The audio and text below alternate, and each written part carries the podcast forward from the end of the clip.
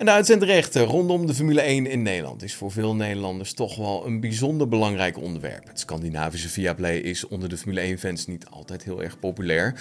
En sportmarketeer Chris Woerts denkt echter dat de kans groot is dat de Formule 1 vanaf 2025 weer terug op Ziggo Sport verschijnt.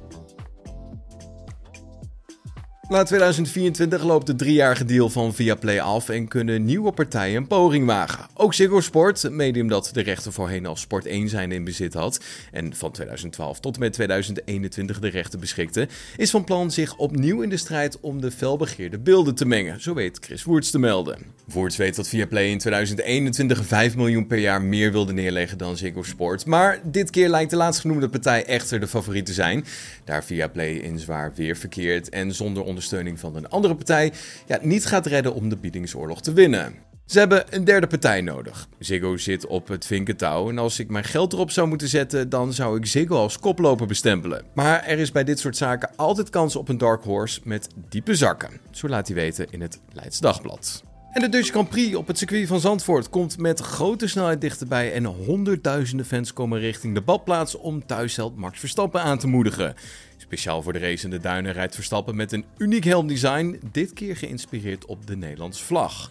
Ja, wat vind jij van dit design? Laat het weten in de comments hieronder. En Charles Leclerc beleeft op dit moment toch wel een lastig seizoen in de Formule 1 bij het team van Ferrari. En de man uit Monte Carlo wordt dan ook regelmatig in verband gebracht met een vertrek uit Maranello. Leclerc die laat nu echt de minds weten van de Scuderia te houden en samen met Ferrari graag prijzen te willen pakken in de toekomst. Daar waar het contract van de talentvolle Leclerc na 2024 afloopt bij Ferrari, zingen de geruchten over zijn toekomst natuurlijk constant rond.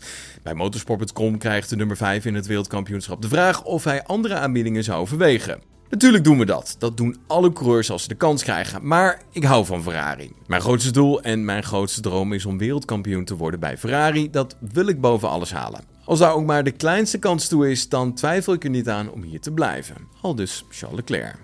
Ja, volgende week is het een speciale Oranje Week hier bij GP-fans. En de speciale Dutch Grand Prix-uitzending van Goedemorgen GP-fans is vrijdagochtend 25 augustus vanaf 10 uur live te zien. Nog even ook twee keer de game F1 23 weg. Check 25 augustus om 10 uur in de ochtend naar Goedemorgen GP-fans om op die manier kans te maken op die nieuwe F1 23 game.